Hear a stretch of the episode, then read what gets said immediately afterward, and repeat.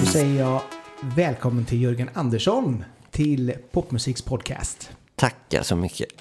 Jag har ändå skrivit om dig sedan typ 2020. Ja. Eh, Så att eh, när du släppte Another Day. Så att det känns jättekul att äntligen få träffa dig. Ja, vad kul. Ja, jag, måste, jag måste passa på att tacka dig för du har alltid skrivit så fint om eh, mina låtar. Det har varit jättekul att läsa. Kul. Ja, nej, men jag är ju så här popnörd så att jag älskar, alltså många av dina låtar är ju väldigt så här, det är lite Per Gessle alltså det är bra Ja. popmelodier, det är, alltså så att man blir ju, man fångas ju av dem med en gång. i Ja, kul. Ja, kul. Det tycker jag är, är väldigt trevligt. Ja. Ehm, det jag tänkte vi skulle börja med ändå, vi har ändå en, en gemensam nämnare har vi kommit fram till. Men ehm, det första jag såg när jag kollade igenom din Instagram för länge, länge sedan. Det var att oj, men där är ju en bild från Bella Gestis i Hunnebostrand. Ja. Och jag tänkte vi får väl snacka lite grann om det. Ehm, Ja. vad, vad har du för relation till Hunnebo? Ja, vi har ett eh, sommarhus i Hunnebo strand eh, dit vi kan fly när det blir för, för mycket. det får jag säga. Men eh, det är, väl, är fantastiskt att kunna komma upp dit och, och, eh, och jag tar även med min dotter som sitter ofta och mixar i Hunnebo faktiskt. För då, då känns det som att eh, man har tiden. Kul! Så att du har liksom möjlighet att ha en liten studio där? Mm. Ja, eller går du in liksom i precis. en garderob och gömmer dig? Nej, jag har, jag, då mixar jag oftast med hörlurar. Men oftast så, så mixar jag sång och klipper sång och körer. Eh, och då, och det, tar, det, det tar ganska många timmar att göra det. Man sitter och lys- lyssnar och nördar in sig på varje... Eh, då brukar jag ta med mig eh, datorn och så mixar jag det där. Ah, hur, hur, hur länge har ni varit i Hunnebo eller bott där? Sen 2016. 16? Ja, det är ändå snart 10-årsjubileum. Mm. Ja, ja. Eh, Har du hittat några sådana här smultronställen i området? Ja, överallt. Bella Gestis är ju, är en restaurang som man kan gå på. Det, det är fantastiskt. Den är öppen, den är öppen alla dagar året om. Och på sommaren går vi givetvis på Sankt Görans ö och, och badar och solar. Ja, när jag kommer ihåg när jag växte upp där så var Bella, de öppnade alltid på skärtorsdagen varje år och sen stängde de då under julsäsongen. Men nu senare, Ja. vad det nu är, 20 åren kanske, så är det ju året runt liksom. Ja. Eh, nej men det, är- som sagt var, älskar man både den här mixen av hav och berg så är det ju mycket att utforska och så härliga promenader man kan ta där. Så att, ja, det är lugnt och fint men ändå inte dött. Nej men faktiskt, faktiskt. Så Eh, det, ja, det är fint. och- sen är det alltid imponerande hur, hur den här lilla, lilla byn kan få liksom trafikkaos varje sommar. Ja, när alla turister kommer dit. ja precis. Men, eh, Ja, mycket norrmän. Ja, det är det. det, är det. Det, är det. Men, men har du skrivit, när du sa att du har mixat någonting, men har du också spelat in eller skrivit någonting i Hunnebo? Jag spelar inte in i Hunnebo, men på somrarna så blir det när man slappnar av så här så kommer det ju alltid låtar. Så det, det är ganska många låtar jag skriver på somrarna där. För jag skriver väldigt mycket låtar. Jag skriver mycket mer låtar än vad jag ger ut. Eh, och brukar spela in dem i varje fall halvfärdiga. Eh, så att många, många låtar, många texter har kommit eh, i Hunnebo. Kul! Hur, hur, hur många låtar har du skrivit ungefär? Jag kanske har skrivit, eh, jag har skrivit 200-300 totalt tror jag genom åren. Det är Eh, så pass. Men jag har nog spelat in i varje fall en, över hundra som liksom ligger, eh, som man kan lyssna på då. Så, ja, så att det är ändå liksom så här, du är produktiv väl? men ja, det är nästan som ett beroende faktiskt. Om jag ska vara riktigt ärlig. Det är liksom, när jag väl har slutat med en låt så tänker jag nu får jag nog lugna mig lite. Men så kommer en idé och så, och så måste jag för, för, förverkliga den och se vad det kan bli. Och sen så börjar man brinna lite för den idén och så hittar man en, en eh, Någonting som en, några bra goda trummor till det eller eh, tänker man att det kan man göra ett litet piano klink på det eller ja så då känns det som man måste fortsätta. Ja, men det förstår jag. Mm. vad, när vi ändå är inne på det här med skriva låtar, vad brukar du inspireras av? För jag menar, om man kollar tillbaka så de senaste låtarna har varit mycket så här kärlek och årstider. Ja, Men, men så här, när, vad, vad är det som får dig liksom att fastna för en idé? när du menar texten? Ja.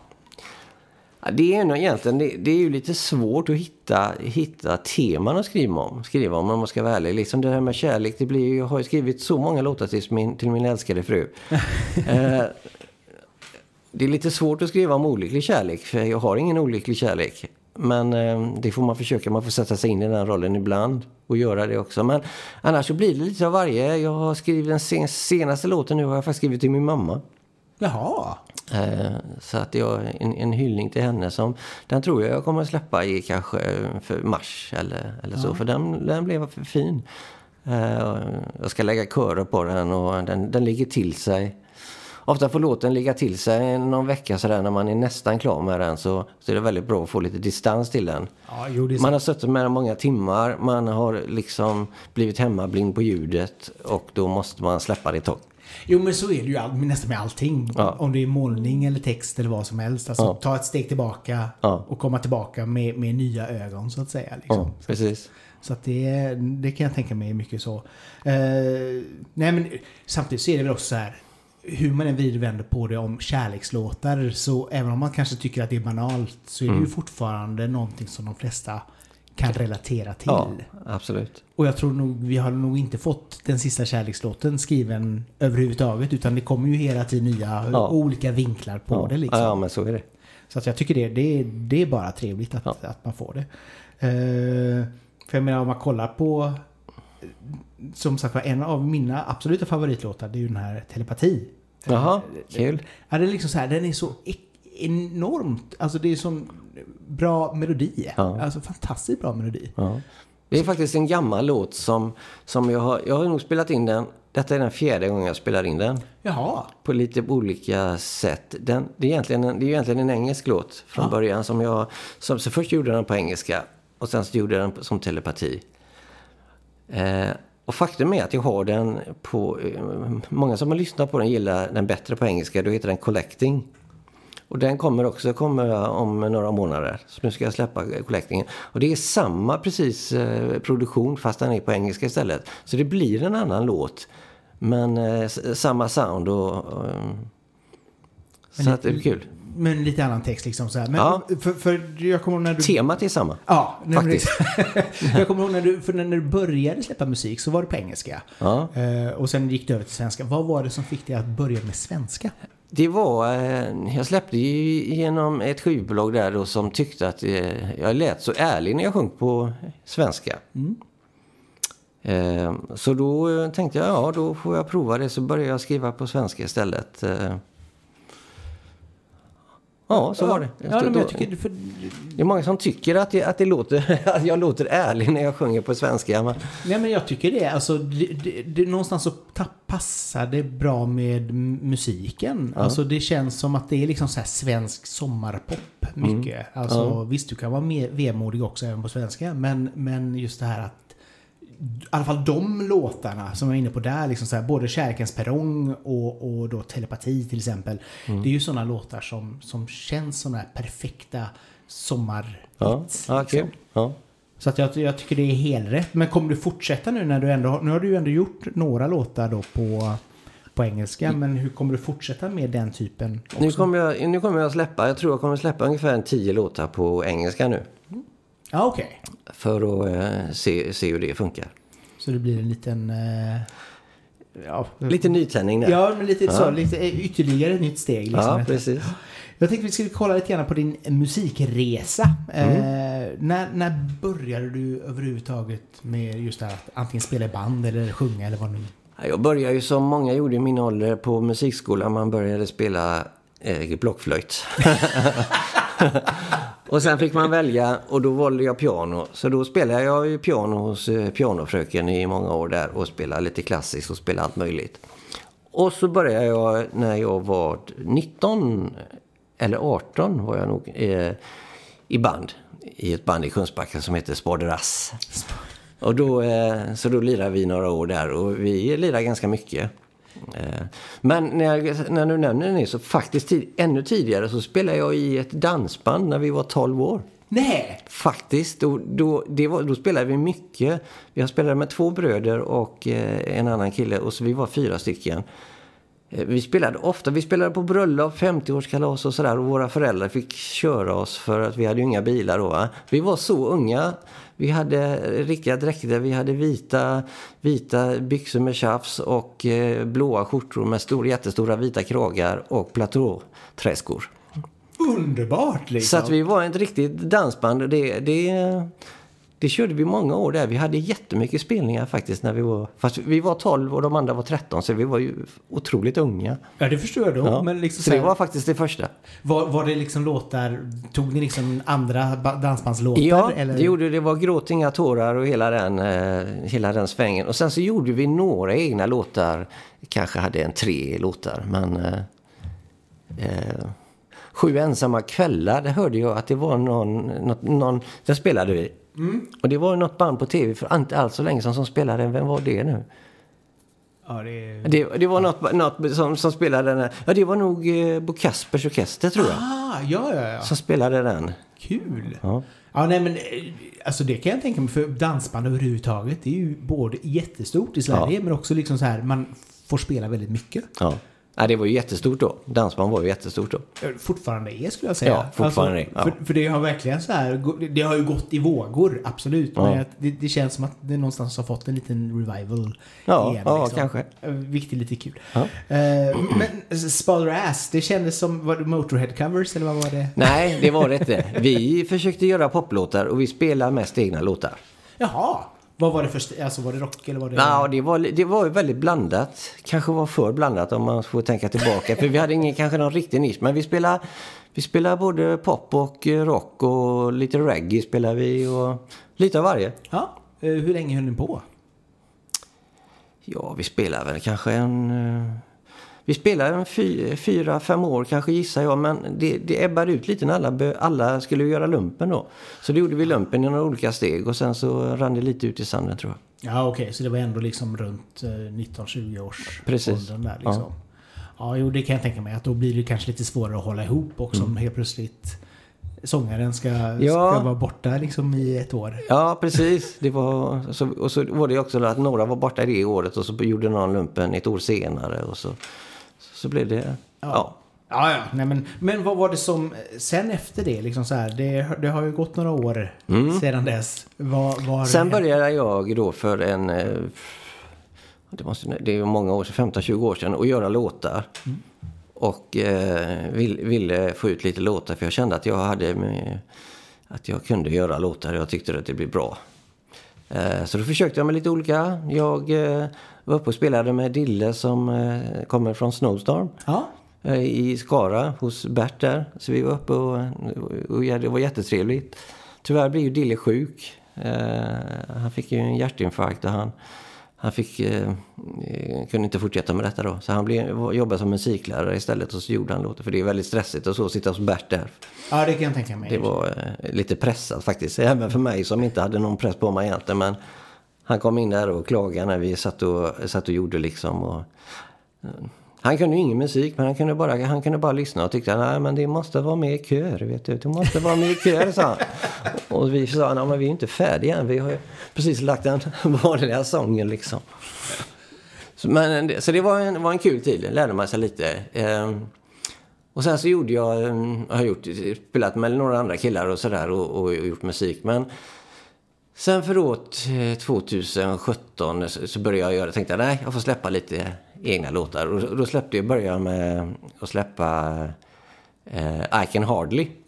var den första jag slä, släppte där 2018 tror jag. Och sen försöker jag släppa lite kontinuerligt. Ja, okej. Mm. Så här. Men hur känns det, alltså när man pratar om popmusik överhuvudtaget så är det liksom så här. Eh, ja, det, det är för de, för de unga. Du var ju ändå liksom så här runt 50, Ja. över 50 liksom när Ja. du släppte den här Ja, gången. precis. Kändes det som en, en, en nackdel eller kändes det liksom som att du har liksom du har en historia bakom dig så du kan sjunga om och eh, så vidare? Ja, man har ju mer erfarenhet men det är klart att det är, jag tyckte ju, man får titta tillbaka så hade jag gärna velat eh, gjort det detta tidigare. Men allt har ju sin tid liksom att, och det ska ju också ha, man ska ju också ha liksom en riktig brinna för att ha en lust. Ehm, och om inte den kom tidigare utan då var det andra saker med, med andra intressen och barn och sånt där som, som tog upp ens tid.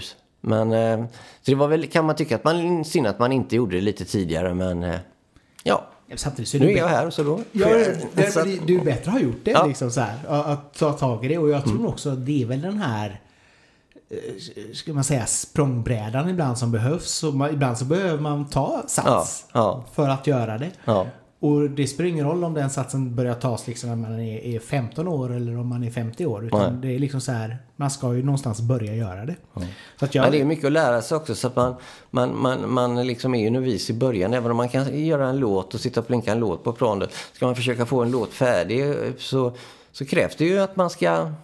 Ja, som jag gör nu. Jag försöker ju, jag har ju lite det att jag gör allting själv. Och det, det är ju kanske lite fel egentligen. Men eh, å andra sidan så är det så jag vill jobba. Så jag tycker det är kul Ja, men göra hur- allt. hur, hur, alltså, hur har du lärt dig liksom? eh, Genom att bara hålla på. Ja, har jag lärt mig. Jag lärde ju mig först att spela piano hos, hos pianofröken. Ja. Men, men, eh, men sen spelade jag, för 20 år sedan spelade jag väldigt mycket gitarr. eh, För att jag tyckte det var kul. Och så, och, och, men nu spelar jag mest, jag spelar ju mest piano nu. Då, I och med att man gör ju, man gör ju, spelar ju in allting på keyboarden då när man gör stråkar och bas och trummor och allting kommer ju från keyboarden. Liksom. ja just det. Just det. Men du använder, det verkar som du använder Logic i alla fall och så gör du allt. Jag använder Logic, ja, precis. Ja, så att, men det- det är väl det som är också det fina med det här att man kan göra det var som helst och Ja. det låter så pass bra idag.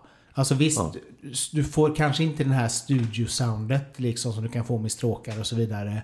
Men, men du kan ju komma i alla fall upp till 90%. Ja, det är väldigt nära nu, det är helt klart. Ja, Ja. och det är ju det som gör att det faktiskt att det blir tillgängligt för alla. Ja. Sen får man sätta sig ner med lite så YouTube tutorials och, och lära sig liksom, okej, hur, hur gör man det här på bästa sätt? Ja.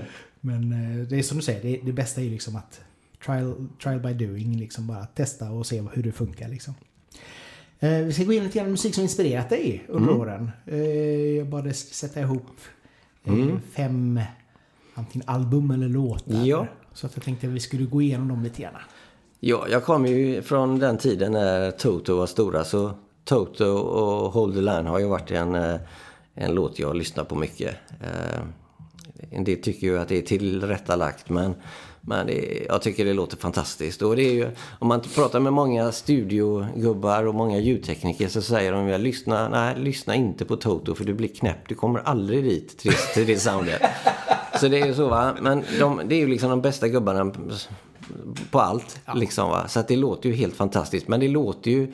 Man kan ju, då kan, man kan ju också säga att det låter sterilt. Men Hold the Line tycker jag är en grym låt. En grym eh, diss på gitarren. Jag vet hur, jag tror att de har gjort det med styrt över en 741 en, en liten transistor som eh, en krets. Som, eh, och då fick man det soundet. För det gjorde vi i skolan när, när vi byggde Firstbox. Coolt. Och, och, men bara den här inledningen. Ja. Det är liksom alla... Det är den här, vad heter det, introtävling. Ja. Man hör det med en gång. Ja. Bara så här, hold the line. Ja. Ja, men det är bra. Och live är den ju grym liksom när de, när de svänger till den riktigt. Så det, Det nej, nej, det är fantastiskt. Och just den här... När de börjar liksom karriären med den låten mer eller mindre. Ja, Alltså, jag tror, och den låter ju fortfarande så bra. Den, och den jag tror den är inspelad 77. ja. Så Nej, så att det, nej, det är... De har, och samtidigt så är det ju en band som har gjort så otroligt... Alltså Africa och Ja. Rosanna och ja, så vidare. Alltså det är många låtskatter. absolut. Som, efter Toto, vad har vi där? Då har vi Elton John. Jag tycker ju att Your Song är världens finaste ballad. Eh, lite annorlunda uppbyggt, lite annorlunda ackord fast den låter ju harmonisk när jag sjunger den. Så att eh, det hade ju varit målet att kunna skriva eh, Your Song nummer två. Många har försökt. Jag gillar... Du har sett Moulin Rouge? Ja, ja. Ja. ja, den är fin där. Ja. När de sjunger, den, absolut. Där Det- gör de en... en ja. De gör den eh, värdig, så kan man Och säga. den är ju nästan tema genom, för filmen. Ja. Ja, ja, ja. Så den är, ja, den är jättevacker där. Absolut. Och jag tror att det var också lite roligt för det var ju när den kom och sen så använde de även eh, den i, i någon reklamfilm också, kommer jag ihåg, i samma veva. Som gjorde också att det blev någon sån liten revival för Your Song. Liksom. Ja. Så att det är så härligt när, när pop, popkulturen kan liksom ta, ta tillbaka popmusik eh, igen. Liksom. Så ja, men det, är, det är en fantastiskt vacker Ja. ballad. Efter Elton John. Ja, då har jag väl tyckt att några som jag har lyssnat väldigt mycket på och inte, inte någon speciell sång så är det The Course från Irland. Mm. Syskongruppen där. De tycker jag är fantastiska på att göra melodier och även sjunga. Hon har en fantastisk röst. Eh, och den ena, ena systern spelar ju fantastisk fiol. Och så, att, och så har jag skrivit, eh, det är några album om det som kommer från 95, 98 och 2000. Ja, just det. Eh, jag tror att de är, något, varför något av dem är producerade av David Foster som, som är en sån här amerikansk stor producent. Men eh, de, de har jag lyssnat mycket på. Jag kan inte säga något speciellt låt. Breathless är ju en, en av dem, deras stora låtar. Men kanske inte jag tycker den som bäst. Men många fina ballader med fantastiska melodier liksom rakt igenom. Ja men det är också väldigt ja, det är också en sån här grupp som är lite så här folk hatar dem eller älskar dem har ja. jag förstått. Ja. Eh, och jag är väl en av de som tycker ändå att det är lite så här guilty pleasure över course. Alltså ja. jag eh, tycker ju Breathless är alltså en fantastisk poplåt. Eh, och sen hade de ju liksom väldigt många låtar som var de var liksom lite upptempo men ändå liksom det här etno som fungerade jättebra på ja, 90-talet. Uh, så att jag förstår... Lite annan sound. De, spelar, de har mixat sina... I och med att det är hon, den ena systern spelar i trummor. De har ganska höga trummor. Mm. Så det blir, då blir ju lite... Det blir på något vis lite rytmiskt. Lite mer rytmiskt kanske man kan tänka sig. Även i sån, sån, sån fin popmusik. Jo, nej, men det är lite sånt här dansant. De hade ju... Jag vet ju att Tintin Out jobbade mycket med dem. Och det är ju en sån... De remixade väldigt mycket på 90-talet. Eh, mm. En duo och gjorde en del popgrejer. Men de jobbade väldigt mycket med The Course. Och det mm. var också så intressant att se hur, hur de kunde då ta in lite grann dansmusiken i deras musik men det ändå var alltså ren radiopop mm. liksom. Mm. Mm. Så att jag, nej men jag, jag, förstår för det är liksom så här främst bra melodier och det är ju det ja. de har liksom. Absolut. Så att det är kul.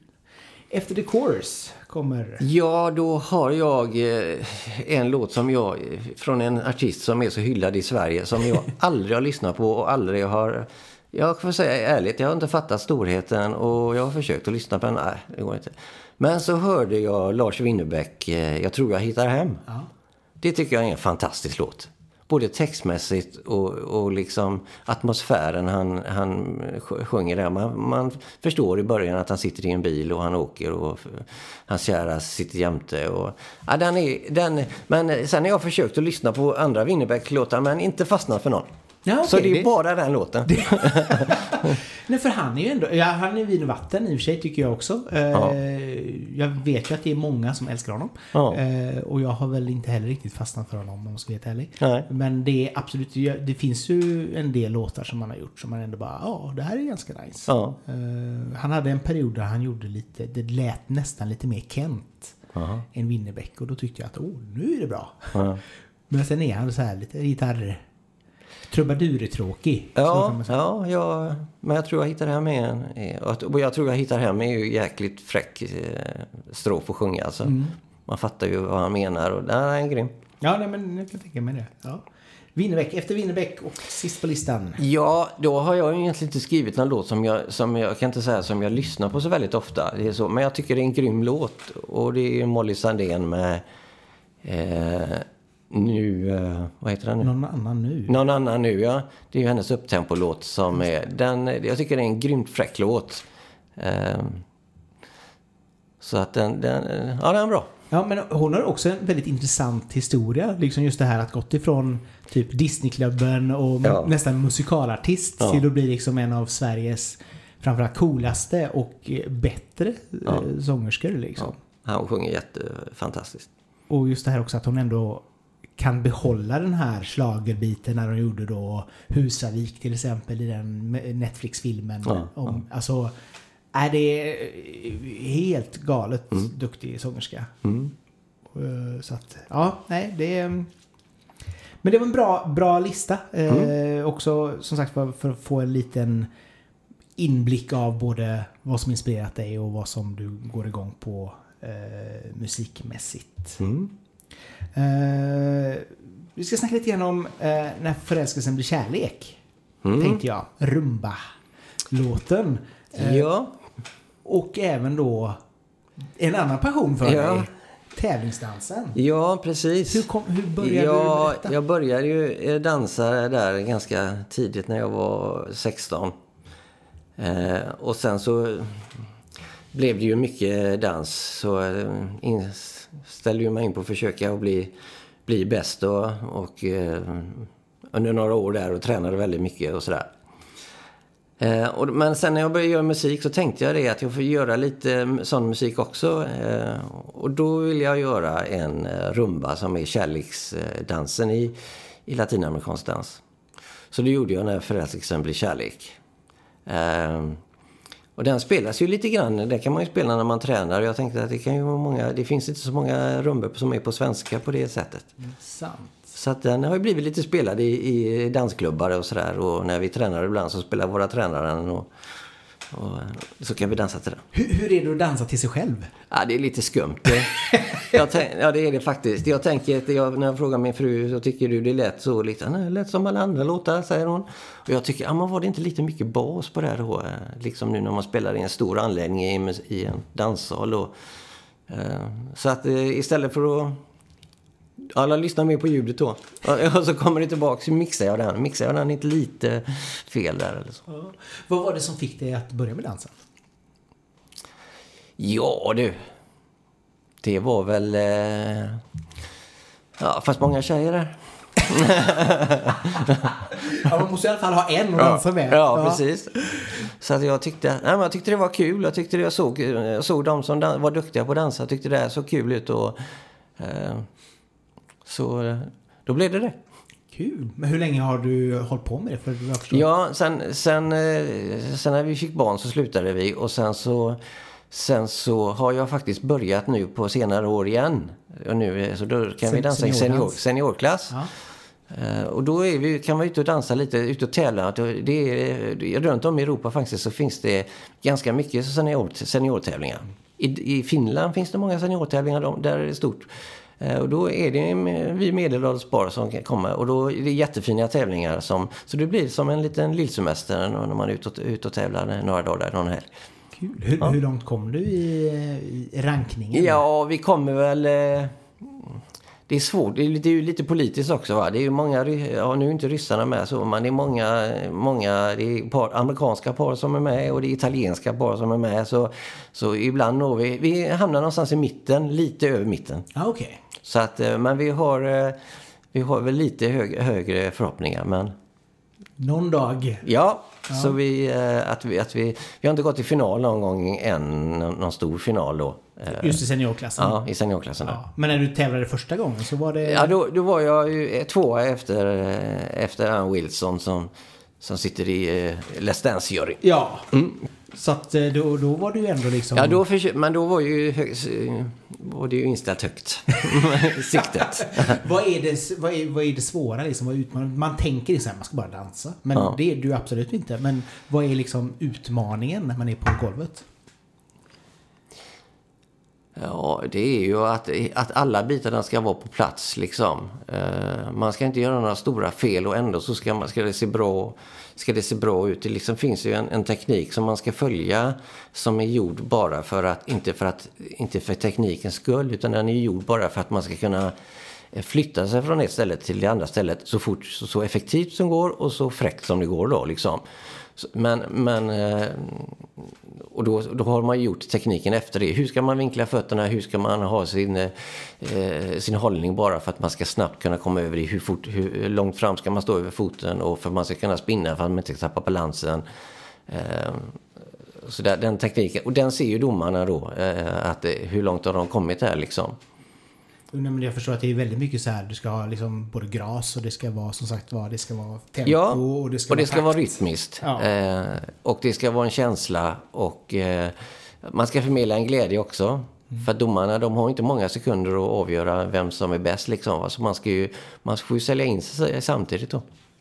Jo, nej, men jag har ju en kompis som tävlingsdansare och som också har varit högt Mm. i listan. Eh, och även då kört lite seniordans nu på, på äldre dagar. Ja, kul. eller, eller nu. Och eh, som sagt var, det är ju mycket, han säger ju att det är väldigt eh, mycket tävling sinsemellan och lite så här konflikt och samtidigt också så är det ju den här liksom hela tiden upp med hakan och, Ja. och le och gå in i rollen liksom som en, som en dansare. Liksom. Ja, Så att, ja, så är det. det, det känns eh, väldigt spännande. Och, ja. Som sagt står man på utsidan och tittar in så tänker man liksom så här, men det är ju bara dans. Och sen Mm. bara, nej, det är så mycket mer Ja. än bara det liksom. Ja, sant. Så att, eh, ja. Eh, du är aktuell med Covered in Snow. Mm. Eh, som text av din dotter Ja, Emilia. Eh, Ja, det blev en låt som, som kom till på, på ett annorlunda vis. Eh, min dotter gjorde eh, en fin en dikt får man väl säga då som, eh, som, där jag tog ut texten som hon hade skrivit jättevackert. Och så tonsatte jag det efteråt så som Elton John gjorde på sin tid med Bernie Taupin. Han skrev ju en text och så tonsatte. Så att det är ju lite grann bakvänt eh, mot hur man brukar skriva låtar. Men det blev ju, den blev väldigt speciell så att jag, är, jag är väldigt stolt över den låten faktiskt. Jag tycker det är en fantastisk text som Emilia har skrivit och eh, melodin är, är, är jag jättenöjd med. Och jag gjorde den först också med alla, jag gjorde trummor och, och bas och hela, allting till den. Och, men jag blev inte nöjd med det så jag tänkte nej jag, jag skalar ner den och bara gör piano. Så jag, då tog jag, tog jag ner den lite, sänkte den i tonarter lite tror jag och jag i, lite långsammare och så bara piano. ja, okej. Och så sjöng jag in den och så tänkte jag nej men jag får göra, göra eh, lite stråkar också för jag ska, och så, så då blir det mycket stråkar istället. Men jag, ja, jag tror att jag tyckte att det blev bra. Men var den, var den även skriven på, på engelska? Eller hade du översatt den? Eller? Nej, den var skriven, hon skrev den på engelska. Hon skrev den på engelska? Mm. Ja. Har du, men du hade aldrig jobbat så tidigare med att börja med texten? Nej. Liksom? Aldrig gjort det innan. Kul! Alltid har det varit först man, kan, man får en melodislinga i huvudet. Så nynnar man den och, ibland, och så kanske man nynnar och så får man en text samtidigt liksom. Och då kan det bli den sen. eh, Men det har alltid varit melodin först och så, och så texten till efteråt. Men här var det tvärtom. Ja, okej. Men, men eh, vad ska man säga, är det den här sättet att jobba på, det är nästan då ditt första samarbete kan man nästan Ja. säga. För det var lite grann det du pratade på tidigare, att du Ja. gjorde allting själv. Ja, det, ja, det kan man ju säga. Så du, du kanske får blodad tand nu och vill jobba med andra? Ja, jag får hem och tjata på henne att hon kan få göra mer texter. Ja, det var rätt. Men, men känner du, du, för du var lite grann inne på det tidigare också, det här med när du skriver själv att du vill lära dig själv och du vill jobba själv. Men har du någonsin funderat på det här att ta kontakt med andra och jobba, alltså, ja, Ja. eh, samarbeten liksom? Absolut. Eh, men... Eh, jo, jag har skrivit med andra så. Jag, ibland får, får jag lite hjälp av MP ifrån, ifrån Gyllene Tider. Jag, skick, skickade en låt till honom. eh, Och han, jag skickade telepati till honom. Ja. Han tyckte det var en, en grym låt så han sa att eh, ja, jag lägger lite gitarrer för han ville, tyckte det var bra och så hjälpte till med lite annat då. Så, så att det var jättekul. Han fick feeling liksom va. Och, så, och, så, och då hjälper han till. Han är fantastiskt snäll så. Eh, men eh, jag skriver någonting från början med någon annan, ja det har jag provat också. Men eh, det blir mer att, jag, att det blir min egen grej så. Ja. Man, man har ju alla sina sätt att Ja. jobba på. Ja. Och har man Men jag skulle, det skulle vara bra att ha några, med, några öron lite tidigare, så någon lyssnar lite tidigare för att man blir lite hemmadöv. Eh, I och för sig blir man bättre på det. Jag känner att jag blir bättre på att jag behöver inte göra låten färdig och lyssna på den och tänka det här blir en, en kass låt, varför gjorde du den? Utan jag kan komma mycket tidigare och tänka nej men den här blir ingen bra refräng, det är lika bra att lägga ner och så göra en ny. Ja, okej. Eh, Så att man blir bättre på det, men, men eh, man blir ändå lite så. Man vänjer ju sig vid, vid eh, soundet, man vänjer sig vid, vid melodin liksom och så tycker att den är fin och så kanske den inte är så fin som man tänker om man hade fått lite distans. Ah. Eller när man får lite distans. Ja. Så med andra ord, man behöver ha de här pauserna från låten lite oftare kanske Ja. och lite tidigare. Ja, Eh, ofta blir, det att, ofta blir det att jag får göra om låten annan tonart, annan hastighet. Alltså det är så pass? Ja, Ofta, nästan alla låtar för jag först, spelar jag först in. Och så blir det, nej jag kanske ska göra den i en högre tonart så att jag, det låter lite, lite mer energi när jag sjunger. Och kanske lite snabbare då. Eller också tvärtom. Ja, okej. Ja, nej, men det, som sagt var, det, allt, allting är ju en utveckling. Liksom. Ja. Låtar har, är ju på ett sätt organiska också. Ja. Så att jag menar, det är ju bara till att köra liksom. Så här. Vilken låt är du mest nöjd med som du har gjort? Eh, Ja, Telepati är ju en bra låt. Det är en bra poplåt som du säger. Det, tycker jag, det, det tycker jag och jag tycker det är ett gott komp till den. Och, men eh, Cover in Snow är, är, är en fin ballad, tycker jag. Ja. Det är lite annorlunda ackord i den. Om man, om man liksom, spelar man bara ackorden så, och inte sjunger till så låter det kanske inte, låter lite konstigt så. Det låter inte riktigt sådär vanligt harmoniskt. Utan, men sen när man sjunger till den så, så kände jag att refrängen blir jättefin. Ja, men det, det är ju en fin låt. Så att jag menar, och just det här också att det som är mysigt tycker jag med den det är ju det att det är eh, Alltså, det blir ju någonstans en vinterlåt istället för en jullåt. Ja, Och det är också ganska trevligt. Även om du sjunger liksom om det här att komma hem till familjen Ja. under jul. Så är det ju ändå också... eh, det, det känns... Det är inte så tydlig jullåt med bjällerklang och, och tomte för Nej, och sådär liksom.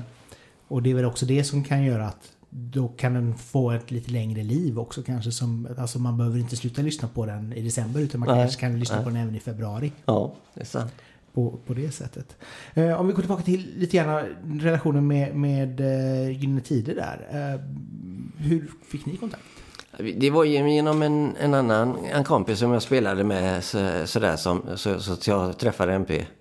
Ehm, men annars kan jag inte säga att vi, vi är liksom in, in, inte i kontakt på det sättet. Men så får han feeling och han har, han har tid liksom va. Eh, Annars så gör han, han gör ju mycket för Gessle hela tiden. Och nu ska de ju ut och, och turnera med, med det där bandet. Så, som man säger. Men eh, Annars så kommer han med lite tips. Ja, man kan fråga honom om han kommer. Ja, men det är så och så. Och hade en, en, en problem. Jag tyckte att oftast att min röst låter lite eh, precis innan 4 kHz där. Eh, så får jag alltid sänka för jag tycker att den låter för hård där. Och då berättar han också att det, det är standard att, eh, att, att man tycker det när man gör sig själv. Och, och det han kallar det allergi. Att man liksom, man har de här frekvenserna men det är ingen annan som hör det. Så att han, man menar, så att när han lyssnar på det så säger han att nej det, det, det håller sig inom. Det, det är du som är allergisk mot de frekvenserna. Det har jag aldrig hört men det var väldigt spännande. Ja. Liksom så här. Han, han, han, han sa det och det är, det är mycket liksom som man kan förstöra på det sättet. Liksom bara för att man, man får allergi med det. Det är många, det är, många grejer som, som, som, som man ska behålla. Eh, men då, hade, då är det bra att hålla ett bollplank Ja, jo. faktiskt. Jo, men det kan jag tänka mig. Och just det här också, både textmässigt och kanske harmoniskt mässigt. Alltså det här att man ska hitta harmoni i låten. Eh, och det kanske också kan vara bra liksom att ibland bolla med någon. Och Absolut. Känna att, oh, Och rytmen, alltså hur, om, om man, den blir lite för långsam eller den blir lite för stressig. Det, det, det där kan man kan också ta tid och att man måste höra in sig. Eh, Men då får man göra några gånger istället. ja, ja, jo, men så är det. Men det har hänt att först är den för långsam och så gör den snabbare och då blir den för snabb och så får jag hamna mitt emellan.